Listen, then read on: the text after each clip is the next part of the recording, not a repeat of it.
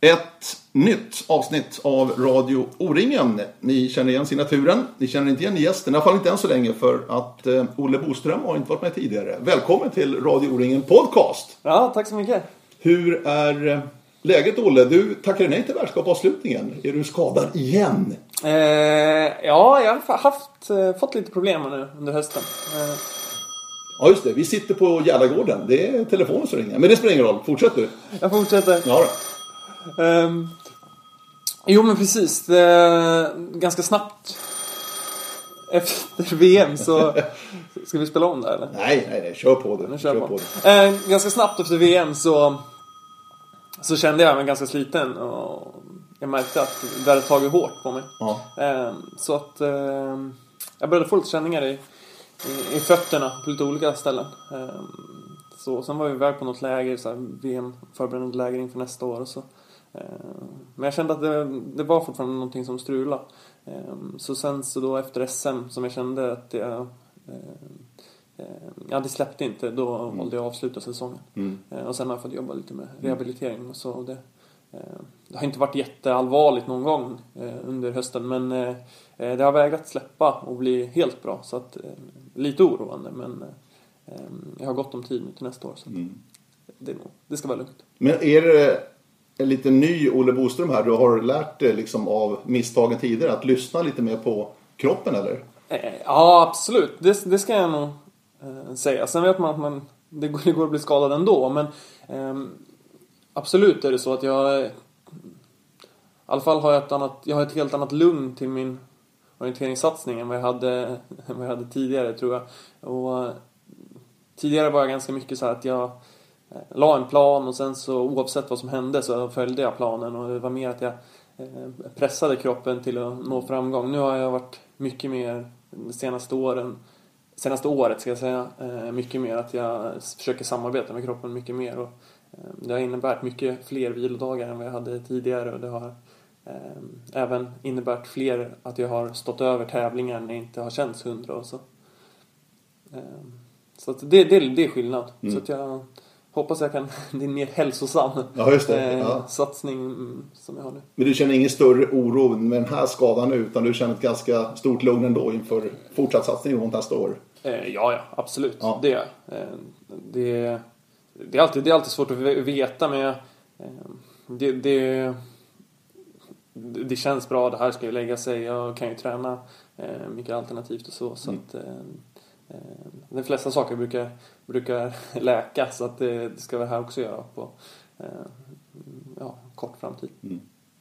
Eh, det här avsnittet, Olle och alla ni som lyssnar också, tänkte ska handla om en hel del om O-ringen. Där du är en stadig gäst varje sommar och en väldigt framgångsrik gäst också Du har varit på O-ringen under ungdomsåren och juniortiden och nu även på seniorsidan, Olle. Vi ska också prata om din första året som senior som var väldigt, väldigt bra och sen blev du skadad och gick igenom en ganska tuff period med skador och har gjort det de senaste två, tre säsongerna innan då 2015. Så att det är en ganska intressant resa det här. Och först av allt bara, VM-bronset då, medeldistans i Skottland i höstas här, eller i augusti månad då. Har du hunnit njuta under hösten här av det här? Har, har det känts annorlunda på något sätt då? Liksom efter den stora framgången för dig då personligen? Eh, Ja, absolut. Ja, det var en fantastisk framgång. Eh, det har...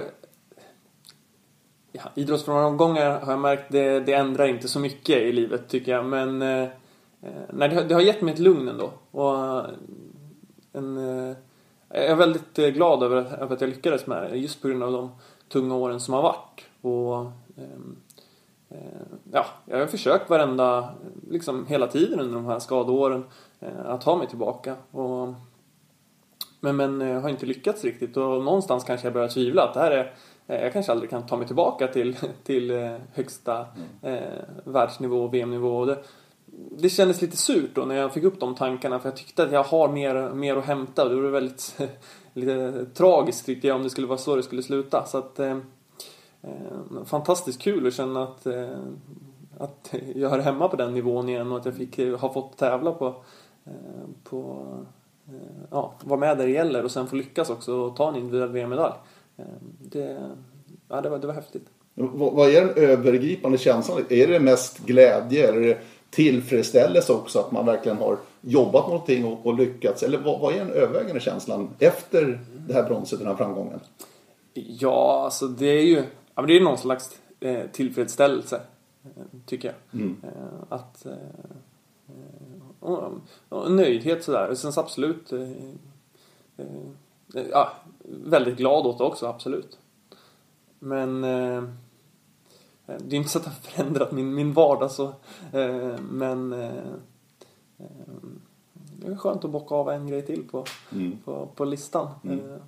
Jag har fortfarande mål kvar med orientering så jag är långt ifrån, långt ifrån mätt av ett VM-brons. Så att, men eh, eh, det, det var ju något nytt. Eh, verkligen nästa steg att ta och det var skönt att ta det.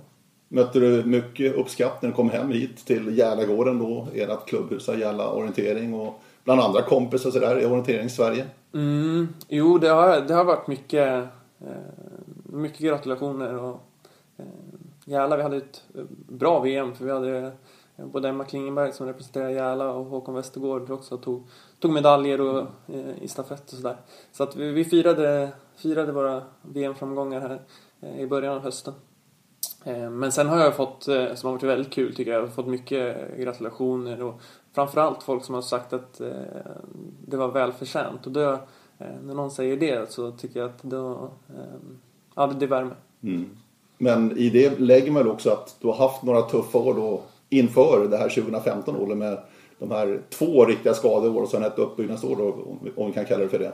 Mm, precis. Innan 2015 så att det blir det de lägger i ordet välförtjänt då. jo, jo men precis, det kanske... Eh, det är klart, det, det är det. Och det, det kan jag förstå och det tycker jag själv också när jag ser på andra eh, orienterare. Så eh, jag blir imponerad över folk som, eh, som kämpar på i, i motgång och inte bara... Eh, det, det, är lätt att, eh, det är lätt att hålla på när det går bra och så här, men eh, det kommer tyngre perioder och de som gnetar på där och eh, måste höra sig tillbaka, de, de är jag imponerad av. Mm. Du, eh, jag är lite nyfiken på, början var, var, var det utstakat från början? Orientering för Olle Boström. Jag tänker, din pappa har ju varit en aktiv orienterare under hela sitt liv också känns det som. Mm, precis. Det har han ju mm, varit, tror jag, sen 14-15 års Ja. åldern sådär. Eh, Så att jag har ju fötts in i orienteringen som så många andra. Eh, Men eh, det var väl inte självklart ändå. Alltså orientering var en självklar del av vår, min familj under min uppväxt. På somrarna var det alltid O-ringen och det var ju orienteringsträningar i veckorna och så. Men eh, sen så hade jag ju kompisar i skolan och sådär och då var det mycket annat som då var det, då var det ju, därför var det fotboll som gällde och sen så hade jag ju eh, kom jag in i bandyn på vintern också som, som tog mycket del också för hela familjen för att mamma och pappa var med som ledare båda två faktiskt och eh, min brorsa spelade väldigt mycket och så. Så att eh, det var en stor del på vintern och eh, orientering och fotboll på sommaren. Det är rätt skön kombo det där, orientering och bandy. Mm, ja, det är en skön kombo faktiskt. Det är ju, eh, båda två är ju inte de största idrotterna sådär. Inte, så att eh, det finns lite likheter mellan dem och så. Hur snabbt kände du ändå att nej, det här med orientering, det är både kul och jag är ganska framgångsrik? För att du var ju framgångsrik som ungdom. Ja, precis. Jo, jag var framgångsrik som ungdom. ungdom. Eh, Så att eh, det, det var ju det som var det, det var ju det som var roligast, ska jag säga. Och det var någon blandning mellan av att eh, själva sporten var det som var väldigt kul. Eh, att springa och att eh, resa runt eh, redan tidigt och eh, omväxlingen. Eh, men sen så absolut kommer det ju ha spelat in också att det, var där jag var mest talangfull och det, gjorde väl också att det blev kul. För läser man på din hemsida Olle, eh, så är just det här med glädjen är ju väldigt viktigt så att säga. En viktig ingrediens i vad man än gör. Så är glädjen någonstans ändå det fundamentala för att lyckas också någonstans. Man måste ha tycker det är kul. Har det varit en ledstjärna under alla dina år egentligen? Ja, eh, absolut. Det är det. Eh, det har jag märkt. Eh, oavsett om det är skolämnen i, eh, när jag har varit i skolan eller om det är orientering eller om det är några helt andra aktiviteter så är det ju att när jag har haft en drivkraft av att jag tycker det är kul att göra saker det är de sakerna jag har märkt att jag blir bra på. Och det behöver inte innebära att det är de jag har varit mest talangfull på men det jag tyckt varit roligast har jag velat lägga tid på och det har, fått, det har varit naturligt att jag sitter på kvällarna och eh, är noggrann i det och vill förbättra mig inom det. Eh, och därför tror jag ju på att eh, gå den vägen man väljer vad man ska göra i livet. Att eh, se vad som jag tycker är kul och vad, och vad jag drivs av och brinner för. Och, med tiden kommer jag också bli bra på det. Mm. Vad har varit roligt då? Om du tittar då på studierna till exempel. Du håller på att plugga fortfarande. Och mm. jobbar till viss del också, men det kan vi återkomma till. Men vad har varit roligt så att säga, du har känt under din resa då? Så du har känt att oj, det här var roligare än vad kanske jag trodde från början. Ah. Okay. Uh, med studierna? Ja. Eller, ah, okej, okay, inte idrotten? Nej. Uh, nej, absolut. Jag tyckte det var... Men tidigt så tyckte jag ju att det var kul med, med matte och siffror och mm. sådana ämnen. Och, eh, förstod aldrig riktigt det här med språk. Det var inte, eh, inte mina...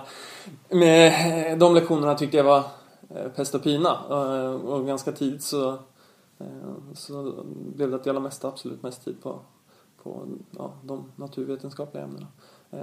Sen så, ju längre upp vi kom i det på gymnasiet så, där, så började jag tycka att ibland blev lite mer abstrakt. Och kände att ja, jag är mer intresserad av det som är ganska nära samhället och, och företagande och så. så sen så har jag fått ett intresse för, för ekonomi och eh, ja, egentligen företagsekonomi egentligen inom, inom företagen. Eh, och mycket siffror där också egentligen. Eh, räkna på, på olika saker och ting. Det är det jag tycker är intressant och det jag tycker är fascinerande av. Det är egentligen eh, stora företag. Varför vissa företag lyckas, varför andra inte lyckas och hur det kan skapa värde i samhället för, för skapa arbetsplatser och, och ja. Mm. mm. Hur, hur, hur, ser du på din situation? Du, du är ju en nästan heltidssatsande idrottsman får man nog då säga Olle. Mm. Du jobbar lite grann då vid sidan om. Men hur får du ditt företag att gå runt då? Mm. För att det här har vi pratat ganska mycket om med Håkan Karlsson bland annat. Att det är en tuff situation för många elitorienterare i och med att det finns så lite pengar i den här idrotten att tjäna någonting. Mm. Så att du måste ju få ditt, om du kallar det då företag, att gå runt också. Mm. För att du ska också ha mat på bordet så att säga, och förutsättningar för att lyckas. Absolut. Eh, och det är ju... Eh, det gäller ju att göra prioriteringar i, i, i livet och, och, så. Det har ju vi alla tror jag som bestämmer oss för att satsa på ja, nästan. Mm. Eh, ja, men att prioritera orienteringen först, som jag, som jag har gjort så, så krävs det ju att man prioriterar bort andra saker. Eh, och eh, jag är 25 nu, jag har ju många kompisar som eh, som har jobbat några år, eller något år, ett par år och så har en stabil inkomst. Och för en orienterare så är det ju väldigt, väldigt osäkert så ju. Ibland kommer det in lite klumpsummor med stipendier och lite prispengar och så. Medan i vissa perioder när jag varit skadad så har det varit mycket, mycket tuffare. Men det det har en tendens att lösa sig. Eh, beroende på hur kräsen man är. Och jag är inte så, jag är inte så kräsen. Jag tycker som sagt att det är fantastiskt kul med orientering. Och det här livet som får hålla på på elitnivå. Och, eh, åka runt och träna och få springa i nya skogar och så här. Det är eh, nästan på ovärderligt. Så att eh, eh, jag håller gärna på så här några år till. Mm. Och, och, sen så kan jag nog börja försörja mig stabilt. Men det, det har jag ändå tyckt att det är viktigt att ha en ha en bas bredvid ändå med, med en utbildning. Så att, eh, men hur ser ditt liv ut idag så att säga? Rent studiemässigt, arbetsmässigt? Alltså... Precis. Eh, jag har ju studerat 100% under de senaste åren egentligen. Eh, tog min så här, kandidatexamen som det heter efter man har ja, eh, efter tre års heltidsstudier här i, i juni innan sommaren. Och sen det här året har jag egentligen uppehåll eh, från eh, riktiga studier. Jag läser lite kurser och sen samtidigt så, så jobbar jag också eh, på ett företag här i Stockholm. Eh, och sen så är min plan att eh, gå på ett masterprogram här till nästa år. Så vi får se. Men... det är anled... tufft ändå att gå på en masters. Mm, Eller? precis. Det är det ju. Ja. Men, men, det går nog att kombinera tror jag. Gör man prioriteringar där också, kanske lägger det på lite långsammare takt och sådär, så ska det nog inte vara några problem. Mm. Alltså studera är ju ändå, tycker jag, det fungerar bra med elitidrott för att du, du är ganska fri, det är bara eh, det är väldigt, klart i grupparbeten och så ibland men det är ändå väldigt individuellt. Eh, det är, inga, det är inte så många andra som behöver ta skada för beroende på hur bra eller dåligt du vill göra det sådär. Eh, så i perioder när jag har tid tycker jag det är väldigt kul plugga ganska mycket och i vissa perioder så, så har det varit tuffare när man är borta och reser mycket, då får man prioritera ner det lite grann. Mm. På tal om plugga, studera, nya skogar var du inne på också.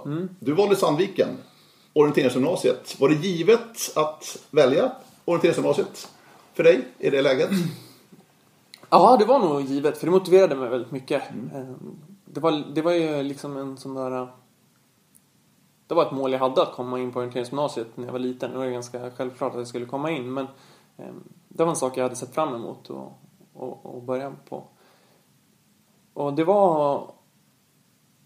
Sen, alltså det, och det, för mig var det väldigt givande. Jag är otroligt nöjd med att jag gick på eh, orienteringsgymnasiet. Det, eh, Eh, jag fick en annan bild av, av elit och idrott eh, när jag började där som jag tror jag hade svårt att få här hemma. Eh, jag hade dessutom ganska långt att åka här hemma i Stockholm till träningar och, och så. Så att det, nu blev det mycket mer en mindre miljö där vi var och där det blev mer elitmässigt också. Så det var verkligen bra för mig att ta nästa steg och när jag, om jag jämför då när jag gick ut från orienteringsgymnasiet så hade jag, en, hade jag verkligen en utbildning med mig kände jag i hur man bedriver elitidrott. Eh, så det var väldigt bra. Sen så vet jag ju att det, det är svårt att säga om det passar alla att gå på ett orienteringsgymnasium så att det tänker jag inte. Eh, jag är väldigt nöjd med det men det finns ju väldigt många bevis också på att det är personer som stannar hemma i sina hemmiljöer eh, också kan ta sig till VM-guldnivå så att eh, svårt att man får nog göra en dag avvägning utifrån sin egen situation och sådär. Eh, För mig var det ett steg i rätt riktning. Och studierna blev inte lidande tycker du. Så säger jag, du flyttar ändå hemifrån, man får ett helt annat ansvar personligen. Kan jag säga som också har varit i Sandviken. Så det, det är ganska stor omställning då. För en person då när man är 15-16 år gammal. Och ta ett stort ansvar.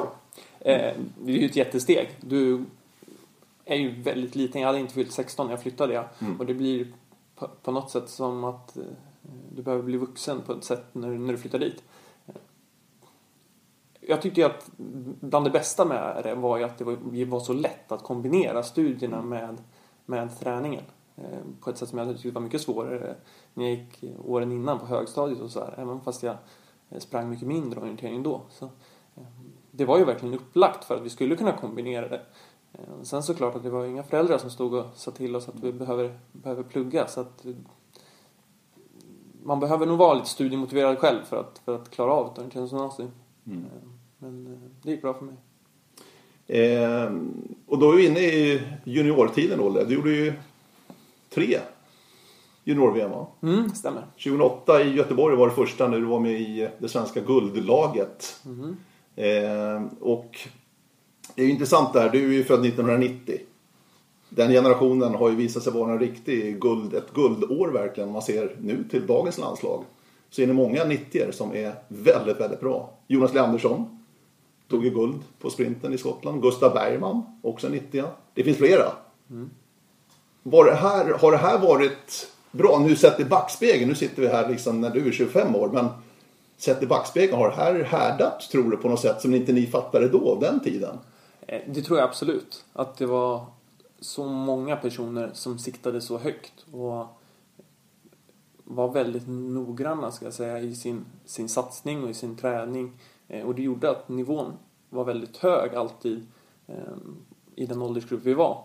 Och man förs- jag och jag tror även mina, mina konkurrenter där, ni- mannen 90 förstod väldigt tidigt att eh, för att lyckas så, så räcker det inte att göra någonting halvdant. Utan, för att komma högt upp, för att vinna en tävling så måste du springa nästan till perfekt orienteringsmässigt och det gäller att vara i bra form. Ehm, och, eh, ja, så att ehm, jag tror vi lärde oss tidigt att springa väldigt bra orientering och jag tror vi lärde oss tidigt att eh, träna bra. Och, ehm, det är klart att jag tror att vi har liksom sporrat oss framåt då. Och det var ju hårt. Minns jag i juniorklass, även om jag tog ett helt gäng junior-SM-medaljer så tog jag ändå bara ett junior-SM-guld på, på många försök. Det är ju många SM på ett år och eh, det är flera juniorår. Så att, eh, det var tufft. Eh, Och det tror jag har hjälpt att vi eh, stod oss väldigt bra när vi blev seniorer sen. För två 18-åringar, om vi då backar till 2008, junior-VM i Göteborg, så var ni ju två 18-åringar i det där guldlaget. Du och Johan Runesson då, som ju nästan tog storslam där, var ju bara sekunden ifrån faktiskt. Mm. Eh, vad, minns du av de här junior-VM? Alltså. Hur stort var det för dig på den tiden då, som ändå kom från en väldigt framgångsrik ungdomstid? Men var det stort för dig också, liksom det här junior-VM och ta steget in och springa landslaget, de här bitarna? Ja, ja men det minns jag verkligen. Det var väldigt stort. Alltså, eh, det var ju... Eh, alltså även om jag hade varit framgångsrik som ungdom och så, så var det ett steg att när jag skulle bli junior så, så gick det inte jättelätt då, första året när jag blev junior. Jag hade problem. Jag var inte, hade problem att vara topp 10 på, på de första Silva juniorcuperna och så som det hette då. Och när jag var 17 var det ju inte, då var jag långt ifrån att springa JVM. Så, eh, så att sen när jag väl tog steget när jag blev 18, det släppte och eh, jag började få koll på grejerna och hade växt klart eh, också så var det otroligt häftigt att få kvala in i första gången i, i ett landslag. Det var, det var en ära och det var ju verkligen en så här ja, barriär att, att, att ta. Så det var det var häftigt och jag minns eh, junior-VM var ju otroligt stort. Jag hade väldigt, var väldigt osäker innan på... på väldigt osäker innan på... På, eh, på hur vi skulle stå oss egentligen. Ehm, där. På junior-VM. Ehm, jag hade Då pratar vi Göteborg 2008. Nu pratar vi Göteborg 2008, ja. Det var mm. mitt första. Jag hade sett att de här... Eh, ja men svenskarna åren innan och så, det, var, det hade inte det var inte så att de hade skördat medaljer jättemycket utan det var, verkade vara hård konkurrens och nu kom vi in som, som 18-åringar och eh, klart jag var lite nervös och osäker och vet vad det, hur, hur bra vi skulle stå oss. Men mycket tror jag tack vare eh, att det gick i Sverige så hade vi en väldig fördel och då gick det ju väldigt bra. Ja, mm. Johan han sopade i banan men eh, även jag själv var ju topp 5 på både medel och, och långdistansen. Eh, så att eh, det var en häftig upplevelse och kanske där som jag förstod att Eh, jo, men jag kan nog nå långt inom orientering. Mm. Sen försvarade ni guldet då, eh, stafetten då, året efter i Italien. Mm. 2009 blev det då. Och sen var de även i Danmark 2010. Men det är tre otroligt olika terrängtyper. Det här tycker jag är häftigt med orientering också. Att man får verkligen uppleva och också försöka lära sig då för att kunna prestera. Mm. För det måste vara tufft i den här tiden. För det är inte samma preparationer som det är på ett VM nu till exempel på seniorsidan. Att ni har massa läger då innan för att lära dig terrängen och sånt där. Så Italien då till exempel 2009. Mm. Hur var det? För det måste ha varit en ganska eh, stor skillnad liksom. Ja, det var ju, det var ju helt annorlunda. Det är ju väldigt häftigt som eh, juniormästerskapen att det eh, du kommer ofta, jag hade inte tävlat så mycket utomlands innan och sen var det sån extremt stor skillnad då mellan att tävla i Sverige och sen så åka ner till Alperna och springa på hög höjd och riktigt häftiga dolomitslutningar. Så det var en liten omställning så. Sen så tycker jag kanske att ehm, Ja, vi var ju bara där en vecka innan på läger och så. Eh, men ehm, egentligen tycker jag inte Jo, så att det passar ju olika löpare mer eller mindre. Eh, och därför tror jag också att eh, juniormästerskapen är lite svåra att utvärdera faktiskt efteråt. För att det, eh, det blir lite naturligt att den nation som kan terrängen lyckas väldigt bra. Sen ska jag säga att den där dolomitslutningarna passade nog oss svenskar ganska bra också. Det var väldigt detaljerad orientering och, tungt och tufft sådär. Så att det, det, var bra. Sen så hade jag kanske lite mer problem där med att det hade gått så bra på junior-VM innan så att jag hade väldigt mycket högre, målsä högre målsättning då. Och det kanske jag hade lite svårt att, att, att tackla själv när jag kände att eh, om jag hade varit fem året innan så var det bara medalj nu som gällde. Och det, det klarade jag inte riktigt av och gjorde ganska dåliga prestationer minns jag individuellt där på, eh, på det junior-VMet. Men det var ju väldigt skönt att avsluta kommer jag ihåg med eh, en stafettguld. Mm. Det, ju, det vägde upp hela det mästerskapet. Precis, tillsammans med Albin Ridderfeldt och Gustav Bergman som ju tog långguldet där i Italien förresten. Eh, tre JVM, eh, ett individuellt brons mm. i Danmark då. Mm. Och två guld i stafett. Mm. Jag tog stafett. Tog stafett silver i, i silver också i, i, Danmark. i Danmark. Ja, precis. Men det är inget individuellt guld. Kan du kännas lite försmädd så här efter din juniorkarriär? Är det någonting liksom du tänker på ibland sådär, ah det var ju attans också? alltså eh, direkt efter där, när jag var efter mitt sista junior-VM så, då, eh, då grämde jag mig en del för det. Hade, det hade ändå varit mitt stora mål under de senaste åren att eh, ta ett individuellt eh, junior-VM-guld. Och framförallt efter att det gick så pass bra där när jag var 18 och var väldigt nära. Jag var fyra sekunder från medalj på lången och bara 18 sekunder från guldet så tänkte jag att eh, ja, det är ju det här jag vill åt nu de här två sista åren när jag ska försöka vinna.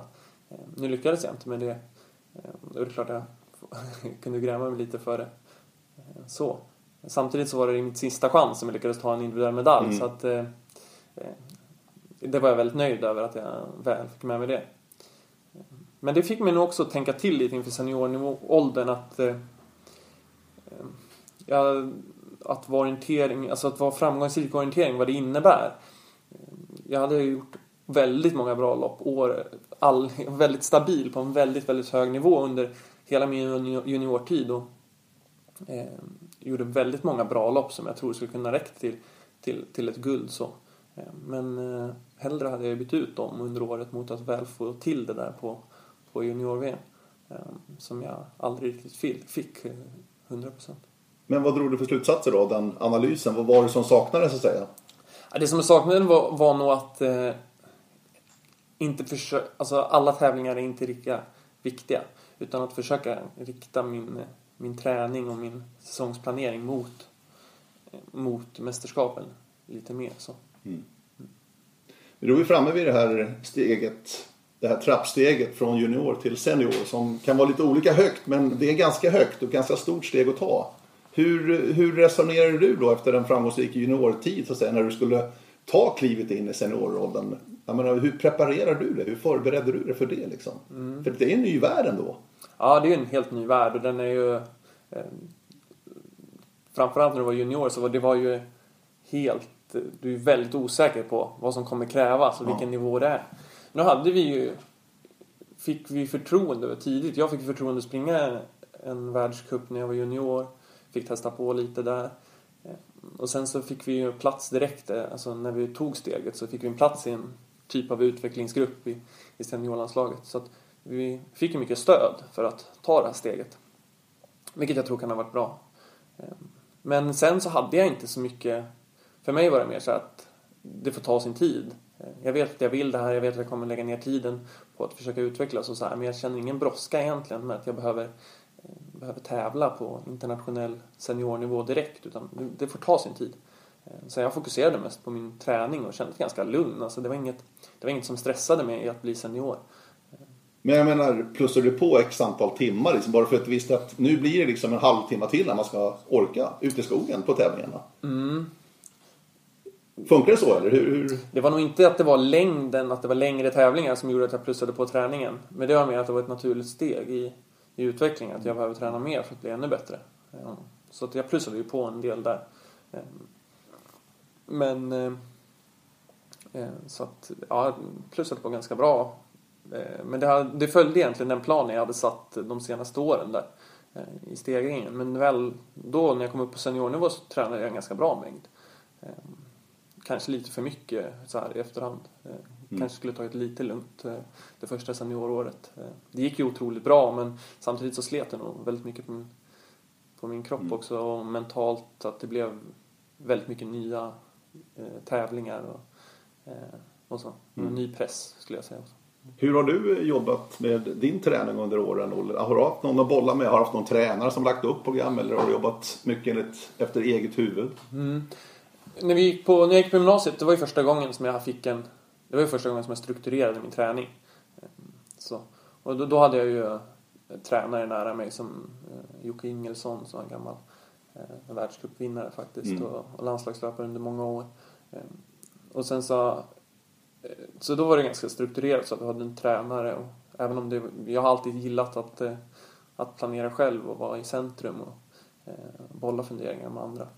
Så sen när jag slutade där så blev det mer att jag eh, själv var i centrum och så hade jag ett helt gäng med, med eh, egentligen resurspersoner och bollplank runt omkring mig. Jag har under många år haft nära kontakt med Anneli Östberg som eh, med egentligen mental coachning och hon var ju landslagsledare också under många år där. Eh, men eh, också när jag blev senior, egentligen efter Sandviken-tiden så hade jag eh, David Andersson också som, eh, som bollplank i min i, i min träning. Och så mm. Ehm, så det, det, var så jag hade. Ehm, sen hade jag ju även klubbledare som, som bollplank också som kunde se det, hur jag beter mig och vad jag gör här på, på hemmaplan. Mm. Och hur ser det ut idag då? Idag så det har ju varit lite beroende på de skadorna perioder jag har haft så jag har testat lite olika saker. Bollat lite. Nu det här sista året så har jag ändå då har jag mer då har jag helt varit själv egentligen i det. Det här sista året. Att jag kände att nu eh, nu gör jag, tar jag allt ansvar själv egentligen. Ehm, och det tycker jag har funkat bra. Och sen så när jag har behövt hjälp med någonting så har jag själv tagit kontakt med eh, folk utifrån. Jag kände press en period där att jag ehm, eh, att jag behövde verkligen ha någon som hade koll på mig. Och, ehm, men jag hade svårt att hitta någon som, som verkligen tyckte jag tyckte jag verkligen kände mig så pass bra att det han sa passade mig helt. Ehm, så det blev lite flaxigt skulle jag vilja säga hit och dit. Det var någon som tyckte jag skulle göra på ett visst sätt och eh, jag tyckte inte att det funkade riktigt så. så att, men eh, nu känner jag att nu är jag tillräckligt gammal så eh, jag kan ju absolut inte allt utan det finns ju väldigt mycket folk runt omkring en så det är viktigt att ta hjälp av det. Men ehm, jag känner ändå att jag vill styra och ställa. Jag är min egen chef så. Mm. Men som en del av A-gruppen då landslagsmässigt så har du ändå möjligheter att säga. Du har ju resurser att Precis. ta till om det behövs. Mm. Och det är ju en, det är liksom ett privilegium som ni har där i den gruppen. Ja, det är ju ett, det är ett väldigt privilegium. Alltså det, eh, och det, vi har ju Håkan Karlsson väldigt bra koll på och vi, vi har ju bra med resurs, resurspersoner. Och när jag var skadad så fick jag ju eh, det var ju lite, det var, ju, det var en tung period så. Då fick jag ju bland annat hjälp med att träffa en idrottspsykolog här i Stockholm och vi diskuterade. Det var inget eh, hokus pokus egentligen, utan vi bara diskuterade saker i livet så Men det var också väldigt givande. Så att att få vara en del av landslaget är väldigt bra för där har alltid personer som tar hand om dig. Och nu om jag har lite små bekymmer med en skada så finns det alltid naprapater, sjukgymnaster och läkare som, som jag snabbt kan ringa och få hjälp. Och det, eh, det är ju väldigt bra och så ska det ju vara också om du tävlar på elitnivå för, för Sverige på VM-nivå. Att eh, det ska finnas de resurserna mm. tycker jag. Eh, vi backar tillbaka till 2011 då, ditt första år som senior Olle. Du sa det att du gick in i säsongen med inte några stora förväntningar. Inte. Du har tränat på bra liksom och, och se vart det ledde någonstans. Och det gick ju bra. Mm. Du tog ju faktiskt ett VM första året som senior. Det är inte så många som har lyckats med det kan jag säga. Nej. I den svenska historien. På här sidan. Det är inte så vanligt. Nej, det var ju faktiskt ett steg att ta. Eh, Men vad kände du där på vårkanten? Att det, det rullade på liksom? Att det, det stämde och ja?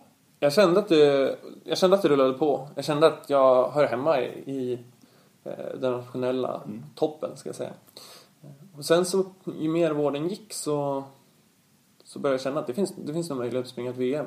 Eh, och sen så när vi åkte ner och skulle springa observationstävlingen som vi kallade då, nere i Frankrike så eh, kom vi dit ner och jag kände att det här jag är tillräckligt bra för att springa VM och den här terrängen kan jag nog bäst av oss svenskar. Så att då kände jag att nu ska, hit ska jag kunna ta mig. Och det, det gjorde jag också. Så det, eh, det var ju väldigt kul men det var ju samtidigt ett, ett stort steg att helt plötsligt vara VM-löpare för Sverige. Mm. Eh, mm. Och terrängen där nere som bjöds den, den är ju väldigt, väldigt detaljrik. Mm. Var det du kände också att det här är min kopp av te? Ja, det var nog det. Var nog det för jag tvivlade inte på min tekniska förmåga eh, Eh, när jag blev senior. Det var ju lite att jag kände att jag, jag är fortfarande, behöver några år träning till för att kunna konkurrera rent fysiskt. Men just i den terrängen där det var ganska svårsprunget i botten, eh, stenigt eh, och så. Då, där, det, var en, det är en terrängtyp som jag då kan jag säga var väldigt bra på. Jag har sprungit, sprungit mycket orientering de åren och det viktiga var liksom vilken löpteknik du hade i skogen och mm. den hade jag väldigt, väldigt bra. Så jag kände också att jag, jag står med otroligt bra fysiskt också här som jag kanske inte skulle göra om det hade varit en mer klassisk kontinental terräng. Eh, så att, det, det var ju positivt för mig och då märkte jag att nu har jag faktiskt alla möjligheter att även lyckas bra på VM. Mm. Och du fick ju springa både medel, lång och stafett. Mm. Ett eh, brons där i stafetten. Tillsammans med, var det David och Anders Holmberg va? Precis, ja. så. Eh, men jag tänkte stanna vid långdistansen. Mm. En fantastisk sjätteplats i denna tuffa konkurrens uppe på den här platån La Féclade nere i eh, Frankrike ta oss tillbaka till den där dagen. Och vad, vad minns du idag av den där? För att det var ju ett jättegenombrott för dig verkligen. Att vara liksom topp 6 på ett VM på långdistansen. Som mm. svensk. Mm. Ja, det är inte... de där podieplatserna på långdistans för, för svenska herrar är inte jättevanliga faktiskt. Nej. Så att det är klart, det var, en, det var ju en jätteframgång för mig. Vad, vad kommer du ihåg? Jag liksom? kommer ihåg väldigt mycket av Gör det. det? Alltså det var en sån häftig... Det var en häftig dag och det var en sån häftig bana. De där VM-långdistanserna, även i efterhand, så här, att det som jag har sett på många år när jag kollat på VM, så här, det är ju häftiga orienteringsbanor. Eh, Jag minns att det var otroligt varmt den där dagen uppe på, och det var hög höjd också. Eh, Och jag minns att det var, jag minns när jag väl startade att det var väldigt långt till startpunkten. Okej. Och jag fick upp kartan och jag, jag minns verkligen när jag fick upp kartan eh, hur jag kollade på den och tänkte så här, och det här, det här blir en utmaning. Eh, det här är bara att fokusera på att ta dig igenom det här så, så bra som möjligt. Det här kommer, eh, kommer att bli tufft. Mm. Eh, och det blev det också. Men eh, jag klarade utmaningen väldigt bra. Men vad kände du liksom där uppe vid starten? För man, man ser ändå de här stora. Thierry då på hemmaplan och allting. Han skulle ju bara springa hem där långguldet där var ju tanken. Men vad kände du då som liten nybörjare, liksom Ah. debutant där i de sammanhangen? Ja, precis. Jo, det var ju... Eh, alltså, dels så, inför VM där så minns jag att jag kände... Eh, hade lite blandade känslor, ska jag börja med. Och säga att det var... Eh, när du blir uttagen för Sverige på, till ett VM så på något sätt så känner du att eh, då har du höga krav på dig. Alltså, den svensk, svenska VM-löpare är där för att ta, ta medaljer och faktiskt som medaljer för Sverige är en, en stor orienteringsnation och med lång historia och så här. Och det, det tycker jag verkligen. Vi är där för att fighta som medaljer. Men samtidigt så hade jag lite svårt att se att kunna sätta det målet att jag ska vara med och fighta som medaljer i mitt första, första år som senior. Jag hade aldrig varit i närheten av en pallplats på en världscup. Ehm, Så att, eh, men där tacklade jag ganska bra ändå och kunde slå bort de där tankarna och bara se till att jag, jag, jag ska bara fokusera på mitt eget så får vi se hur långt det räcker. Och det minns jag också när jag sprang runt där på, på förstarten och började värma upp. Att jag såg ju de stjärnorna runt omkring, Lundanäs och eh, Thierry och Daniel Hopman. Eh, men eh, jag minns att jag hade tyckte att jag tacklade de där bra. För jag såg att när jag såg dem så fick jag ändå upp tankarna så att de här personerna de är inte nöjda om de inte, om de inte tar medalj på det här. Om de inte lyckas fullt ut. De, de känner sig nog rätt pressade. Så här. Jag själv kommer ju vara, oavsett egentligen vad placeringen blir, så, så bara jag får till eh, en bra prestation och så här så, så, så kommer jag ju vara ganska nöjd. Jag har inte direkt något, några resultatkrav på mig. Eh, Och det skapade ju lugn för mig. Och, eh, var nog en framgångsfaktor att jag klarade av så bra att eh, fokusera på den väldigt svåra orientering som det var där. Har du annars eh, samma typ av uppladdning inför viktiga tävlingar? Alltså måste du gå igenom vissa procedurer och sådär? Eller hur funkar du Olle? Eh, Procedurer. Jag tänkte att du måste liksom ta på högerskon före Ah. vänster. Och, äh, lite sådana, att du måste liksom, om du missar någonting, glömmer någonting liksom, så störs hela uppladdningen. Nej, inte Nej. längre. Det har jag Du är inte. ganska flexibel. Nu är jag, nu är jag flexibel. Ja. Har det varit så lite? Ja, som junior var jag mer att jag ville ha... eh, Tidigare var jag nog mer att jag Mm. ville ha eh, rutiner och så. Sen märkte jag att det blev... Det blev jobbigt att eh, försöka uppfylla de där sakerna alltid. Och jag, jag tänkte till också. Tänkte att det är... Eh, vissa saker ger nog ingenting. Det är nog bara onödiga grejer som jag gör. Även om jag inte har gjort så mycket saker. Så. Eh, så att nu har jag ju... Ja, men det var mer uppvärmningsrutiner och sådär. Mm. Tänkte att om ni inte gör precis här så kommer det inte gå, gå bra. Det, det släppte jag, har jag släppt för ganska länge sedan. Så. Men däremot, jag har ju kvar vissa rutiner de sista fem minuterna innan start för att verkligen eh, ko- komma in i, i, i rätt fokus. Så, eh, det det känner jag mig trygg i att eh, när jag värmer upp och så innan så så får det, är jag flexibel, det får kännas lite, det spelar inte så stor roll hur det känns. Eh, Jag lägger inte så mycket värdering i det, eh, hur jag tänker och så. Men sen så däremot de sista fem minuterna vill jag eh, verkligen komma in rätt i, i fokus. För nu också under senare år har det ju verkligen blivit mycket av den här karantänstiden också för er på den här nivån då. Mm. Det gäller inte bara VM, även här hemma i Swedish League-tävlingar är ju karantän i vissa lägen. Mm. Hur hanterar du den här, de här timmarna som kan bli om man startar sent också? Ja, nej, jag hanterar dem. Vad gör du liksom? Det är väldigt... Jag tar det nog Har du en bok med dig liksom, eller? Eh, skulle, lyssnar det skulle jag kunna ha. Jag lyssnar nog mer på musik Ja, då, ja, tror jag. ja. Eh, det- Sen blir det, det blir lite olika vilka, man har, vilka du har runt Ja, dig där. Eh, vissa tar mer plats eh, allmänt i en grupp och eh, kanske låter mer och sådär. Och en del eh, en del i en sån här karantän vill ju ligga väldigt tyst själva liksom för sig själva och lyssna på, på sin musik och säger inte ett ord egentligen de där timmarna medan vissa andra är väldigt eh, vill skoja och, eh, och vad, känns som att de är väldigt, kan vara väldigt långt ifrån att de ska eh, press, aha, springa den viktigaste tävlingen mm. på året om två timmar. Men eh, även där så tycker jag att eh, ja, det är viktigt att jag fortfarande är medveten om vad jag ska göra känner jag om några timmar. Men eh, annars är jag öppen ja. och flexibel. Så. Det låter bra. Sexa blev det ju där på långdistansen nere i Frankrike. Får vara med på podiet då. De tre bästa på pallen och sen är det tre ytterligare. Så att man får vara med liksom i glansen. Mm. Det var viktigt alltså. Det är en stor skillnad att vara sexa och sjua på ett VM. Så är det ju faktiskt. Ja, så är det. Det är en jättestor skillnad. Det är en väldigt... För på bilder och sådär så finns det du med liksom. ja, precis. I det där solskenet där uppe i Lac ja. Nej, men eh, absolut. Det var ju en stor skillnad. Ja. Eh, det ska jag säga. Eh, sen som nu så här, när jag ha VM i år på långdistansen så kommer jag sjua på, mm. på den långdistansen. Då kan jag inte tycka att det hade nu känner jag att det spelade inte så stor roll om jag hade kommit sexa eller sjua. Nej, för att det, det ja. Nu är jag uppe på en nivå där ja. jag eh, vill tävla om medaljerna. Men just där var det otroligt viktigt mm. att uh, få kliva upp där och mm. uh, få vara med om hela den medaljceremonin också. Det var häftigt. Men 2011 satte sina spår, Olle, för sen kommer två riktigt skadeskjutna säsonger för dig. Vad var det som hände? Mm. Efter VM efter här VM där, och allting. Ja, men efter VM så märkte jag ju märkte ganska snabbt att det här har tagit hårt på mig. Ehm, jag började bli ganska sliten där på hösten märkte jag. Försökte tävla på. Märkte att något inte gick helt bra. Jag började få ont i en, eh, en, en häl. Jag hade ett extra ben där. Jag har kvar det benet i och för sig men det blev eh, inflammerat mm. och svullet runt det. Ehm, och samtidigt så, så, så började det gå, jag var mentalt lite sliten där på, på hösten.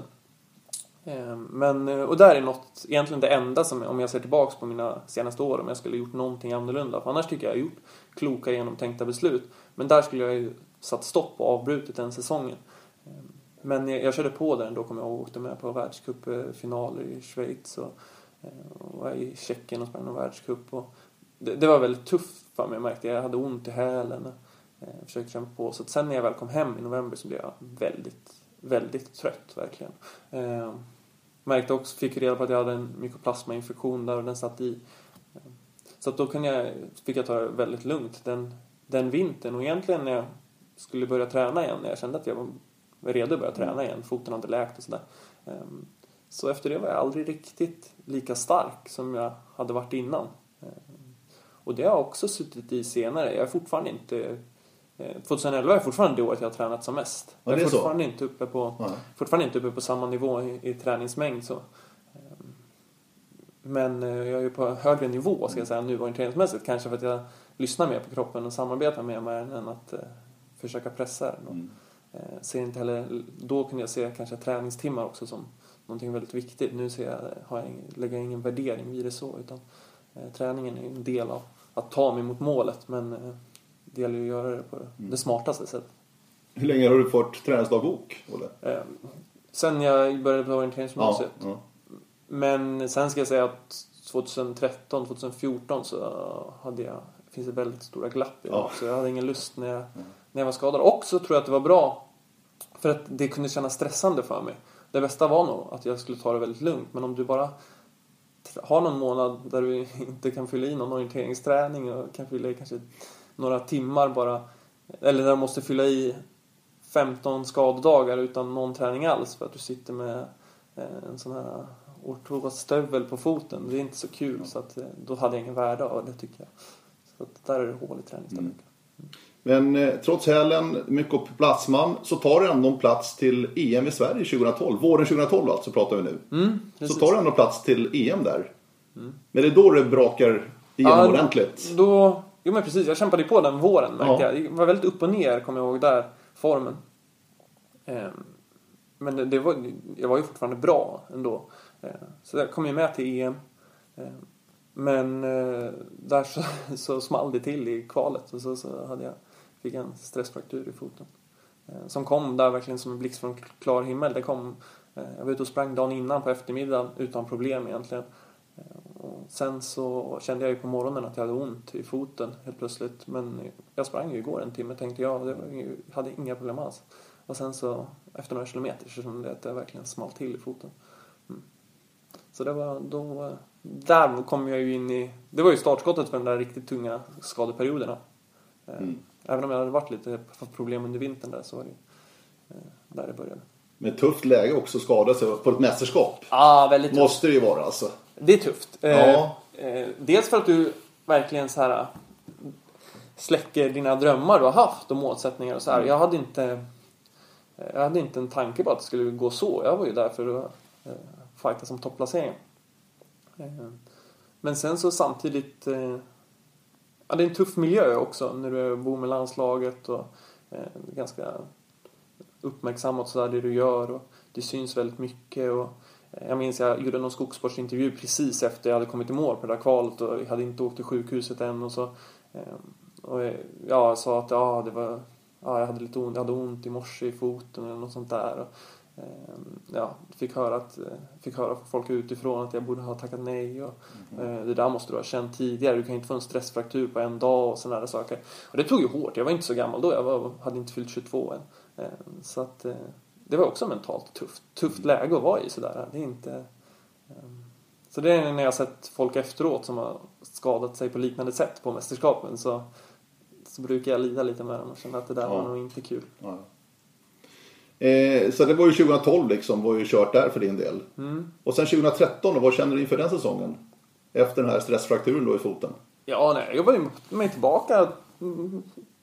Alltså här har jag, försöker jag göra det kloka. Ja. Ta det lugnt och träna upp mig igen och ta det successivt under vintern. Och jag tyckte att jag var på gång igen eh, under, under vinterträningen och var på gång igen också. Sprang världsrankingtävlingar på våren nere i Europa och tog någon, någon seger och gjorde bra resultat. Kände att nu, nu är jag på väg tillbaka. Nu är det VM i Finland som gäller. Men eh, det gick inte riktigt så bra under våren ändå och sen så eh, ju längre, det gick ändå så pass bra att jag blev uttagen till att springa Nortra på de tävlingarna. Eh, men eh, minst de sista Swedish eller Silva League det hette då eh, så, så fick jag väldigt ont i foten och var tvungen att bryta och sen så eh, ja, blev det en skada. Ja. Skadeperiod som satt i hela det året Mm. också. Och sen 14 och du drar igen lite snabbt bara så är det ett uppbyggnadsår för dig för du inser att liksom, nu får jag ta det, alltså skynda långsamt lite grann. Ja, nu får jag skynda långsamt. Ja. Jag måste verkligen gå. Jag ska inte tävla. Nu ska jag bara tävla när kroppen är redo för det egentligen. Och, så det blev ett helt uppbyggnadsår jag hade under 2014. Och, eh, jag tänkte egentligen så att jag måste ha ett hälsosamt sätt till hur jag bedriver min elitorientering. Så att, jag slog bort ganska mycket av, av tävlings eh, och så här. Utan jag vill ju springa orientering för jag tycker det är fantastiskt kul. Eh, Och därför ska jag springa när jag känner att kroppen är redo för det. Eh, Och är inte kroppen redo för det då, då får jag avstå tävlingar och eh, så. Mm. Men de här tre åren som det ändå blir, Olle, då, efter VM då i Frankrike 2011. Mm. Du har varit nere i svackor också och känt att ah, det här är tufft alltså. Ska jag lyckas? Eller har du aldrig slagit den, den här drömmen att komma tillbaka? Den har aldrig slagit ur hågen liksom. Eh, Den har funnits där hela tiden. Att komma tillbaka lyckas. Ja, Ja. alltså. Jag För det är ju lätt all- att man griver ner sig lite ja, grann ja. också. Ja, ja, absolut. Det är ju... Eh, det är ju frustrerande när du har ett mål långt fram, någonting du drömmer om, men du vet inte hur du ska kunna ta dig dit för att eh, det känns som att inte kroppen är, är redo för det. Men jag har ju alltid haft jag har alltid haft egentligen självförtroende och tro på mig själv att om det, om det funkar för mig så, så ska jag kunna vara med och tävla på högsta världsnivå. Eh, Men sen så efter de där åren så började jag tvivla ändå på att eh, eh, men kroppen kanske på grund av skadorna och fötterna den kanske aldrig kommer kunna ge mig eh, tillåtelse till att göra det. Och det kommer ju vara surt, det skulle jag gräma mig. Så därför var det fantastiskt att det gick eh, bra i år. Att jag fick eh, ta det där nästa steget. För 2015 blev ju ett väldigt, väldigt både intressant, spännande och imponerande år från din sida, Olle. För att du gick in i det här året en bit ifrån en VM-plats. Det kan vi ju ändå slå fast. Ingen visste riktigt var du stod någonstans och kanske hur mycket visste du själv var du stod någonstans när våren väl drog igång. Och... Ja, svårt. Alltså jag visste ju, jag kände ju att jag började känna under vintern att nu släpper det här lite grann. Jag kan springa fortare och fortare i skogen och eh, jag har in, börjat mindre och mindre bekymmer, jag har mindre och mindre tankar på fötterna utan det blev mer naturligt eh, att springa. Eh, då började jag känna att så här, ja, men jag kan nog vara ganska bra i år. Jag kan nog vara bra och jag jämförde med sprang några träningar och så här och började känna att det kommer att vara löpare i Sverige. Då hade jag inte sprungit på eh, världscuper på många på lång tid. Mm. Men jag började känna att det kommer vara löpare som springer världscupen för Sverige som, som jag kommer bedöma att jag är minst lika bra som. Och det kommer nog till och med vara löpare som springer VM för Sverige som jag också kommer känna att jag är minst lika bra som. Eh, så då började jag ändå så här, ja men jag ska nog lägga en plan för att försöka ta mig dit.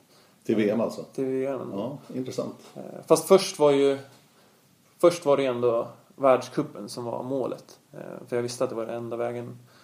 Ja, så det, det var egentligen det jag hade bara som tankar. Jag hade inte Eh, VM hade jag inte så mycket, hade jag inte i tankarna ska jag säga. Nej. Så när du drog igång då, du hade knappt någon världsranking heller när du gick in i säsongen. Nej. Det betyder att du knappt hade... kommer in i Swedish League-tävlingarna ju. Jag hade ingen världsranking alls. Nej, du hade inte det? Nej. Så att, um, jag fick ju börja sitta och titta på tävlingar jag kunde åka på. Så, um, kollade om jag skulle åka till Portugal och sådär, men det passade tyvärr dåligt med skolan just då. Men sen såg jag att jag kan åka till Danish Spring och få två tävlingar på en helg. Det, Eh, det var väldigt bra. Så åkte ni dit, fick två resultat. Inte några jättebra resultat, men lite poäng i alla fall. Mm. Eh, och sedan så, under de första Swedish League som inte var uttagningsgrundande, fick jag samlade ihop mer världsrankingpoäng också. Så jag hade precis tillräckligt med tävlingar egentligen för att, eh, för att få starta. Även om jag fick starta tidigt på, på, på tävlingarna som ja. följde på världscupen och så här, så hade jag ändå tillräckligt med tävlingar för att få en någorlunda starttid. Och sen så blev det ändå så här. Det är ganska fascinerande att det blev så perfekt att jag lyckades samla ihop på de två världscuptävlingarna jag sprang under våren tillräckligt med poäng för att få starta eh, sent på, på VM. Eh, vilket eh, det är så små marginaler på ett VM så att det, jag, jag tycker att det, det, det, är väldigt viktigt att man får en bra starttid också. Mm. Och det lyckades jag få så att det mm. löste sig precis det där så att eh, ja, liten solskenshistoria den här våren måste jag säga. Det, här, det halvåret egentligen från, från vintern fram tills när jag tar ett VM-brons. Mm.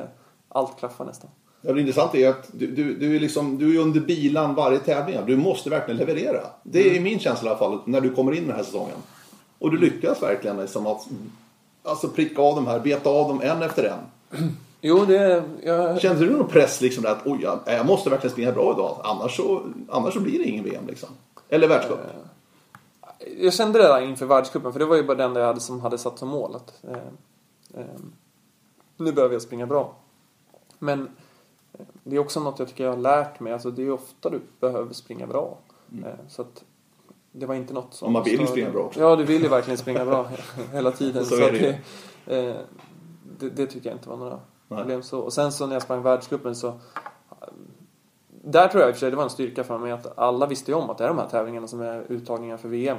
Eh, men jag tyckte mest att det var väldigt kul att springa världscup igen och var fokuserad på att försöka komma så bra som möjligt på dem. Och, um, sen så, så hade jag inte så egentligen tanke på, på VM då heller. Uh, sen så när jag väl sprang så bra så kände jag nu, nu är jag tillräckligt bra för att springa VM, nu vill jag springa VM. Då är det kul att bli uttagen. Mm. Och då får du Ja, du får två månader på dig ungefär. Från världscupen fram till VM ska avgöras. Mm. Som du vet att okej, okay, jag ska springa medeldistansen. Det var det du fick besked om först ju. Mm. Sen fick du långdistansen också. Men om vi tar medeldistansen där du ändå landar i ett brons. Mm. Vad gör du då de här två månaderna fram? För nu vet jag, okej, okay, jag har fixat VM-platsen. Mm.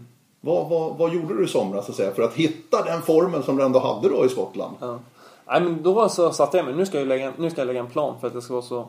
Först direkt när jag blev uttagen så tänkte jag så här, nu ska jag lägga en plan för att om två månader ska jag vara så bra på medeldistansorientering som jag bara kan vara. Mm. Ehm, eh, och ehm, det innebar att jag började med egentligen en period med ganska mycket medeldistansorientering här hemma i, i Stockholm.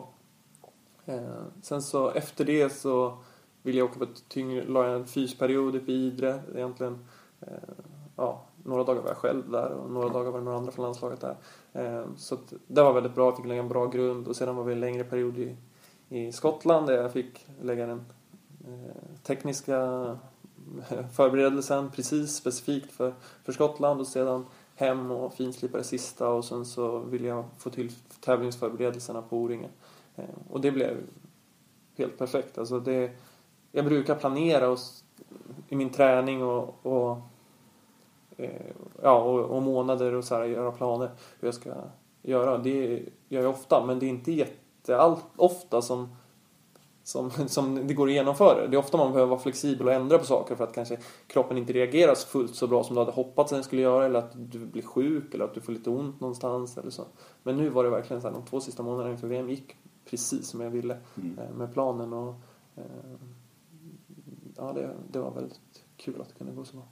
Och formen var ju där när det väl var dags då för medeldistansfinalen i eh, Skottland. Brons, tre alltså, 13 sekunder från guldet och Daniel Hopman. Däremellan Luca Basé också. Mm. Jättekul tycker jag med den här unga fransmannen som har sprungit för Densen här i Sverige under ganska många år. Mm. Är det ett perfekt lopp Olle? Alltså du är på pallen på ett VM. Brons, bara 13 sekunder ifrån. Mm. Ja, det, är ju ett, det är ett väldigt bra lopp, det måste jag säga. Ja, men däremot finns det finns ju ändå eh, några misstag. Jag gjorde ett 10 sekunders misstag eh, ute i skogen och sen så var jag, var jag sen med att fatta ett vägvalsbeslut vilket gjorde att jag eh, tappade 20 sekunder i en utgång på, på vägvalssträckan. Sen så springer jag ett väldigt bra vägval sen. Mm, och sen så lägger jag 10 sekunder också misstag precis på sista kontrollen när jag inte hittar igenom gången genom ett staket. Eh, så totalt sett är det ju 40 sekunders misstag. Eh, eh, men hade jag inte gjort dem så hade det ju nog varit mitt livs bästa lopp hittills. Så att det är ju ett väldigt, väldigt bra lopp. Och du har dagen rent fysiskt, det känner du? Jag har... Ja, det känner jag. Ja. Eller, jag känner att jag är... Jo, jag har dagen rent mm. fysiskt. Alltså jag är generellt väldigt bra form där på, på VM. Så att formen var ju där verkligen. Mm. Vad känner du under, under loppets gång? Alltså, känner man någonstans att det här kan nog räcka? Mm. Ja, kanske till pallen eller? alltså, vad, vad har man för känslor sådär? Eller är man så inne i det liksom? Man bara kör allt man kan liksom? Ja, jag var väldigt inne i det och väldigt fokuserad på att ta en sträcka i taget och, och jobba på. Eh, så, för att jag vet att det är så lätt att eh, om tankarna går iväg någon annanstans så, så får du fel fokus och då kan du tappa tid. Mm. Eh, men jag började känna ändå någonstans efter, säg tre fjärdedelar att det här, nu har jag ju något väldigt bra lopp på gång. Det känner jag ju när jag har fått i stort sett alla kontroller väldigt, väldigt bra. Och eh, jag känner mig stark och jag kommer ikapp någon löpare också. och sådär. Eh, men egentligen så fortsatte jag väldigt bra att fokusera hela, hela vägen in. Förutom till sista kontrollen där jag verkligen kände att nu är jag i mål, nu är det bara, nu är det bara spurtar i sista Olle. Så att eh, då slarvade jag lite. Mm. Eh, men det var jättesvårt att veta hur långt det där skulle räcka när jag kom i mål. Eh, men det tog ju några minuter, sen förstod jag att det handlar ju om, ja, det kan bli medalj. Mm. Väldigt häftigt när det blev det. Och fortfarande känns det som att du ändå har vunnit ett brons och inte liksom tappat ett guld med 13 sekunder. Um, ja, absolut. Alltså, um, det är klart att jag, jag kunde ju känna lite där så här, att det är 13 sekunder. Ja. Om, det, så här, om det väl klaffade så här bra, varför kunde det inte klaffa 13 sekunder bättre? Det hade ju, hade ju varit det ultimata verkligen.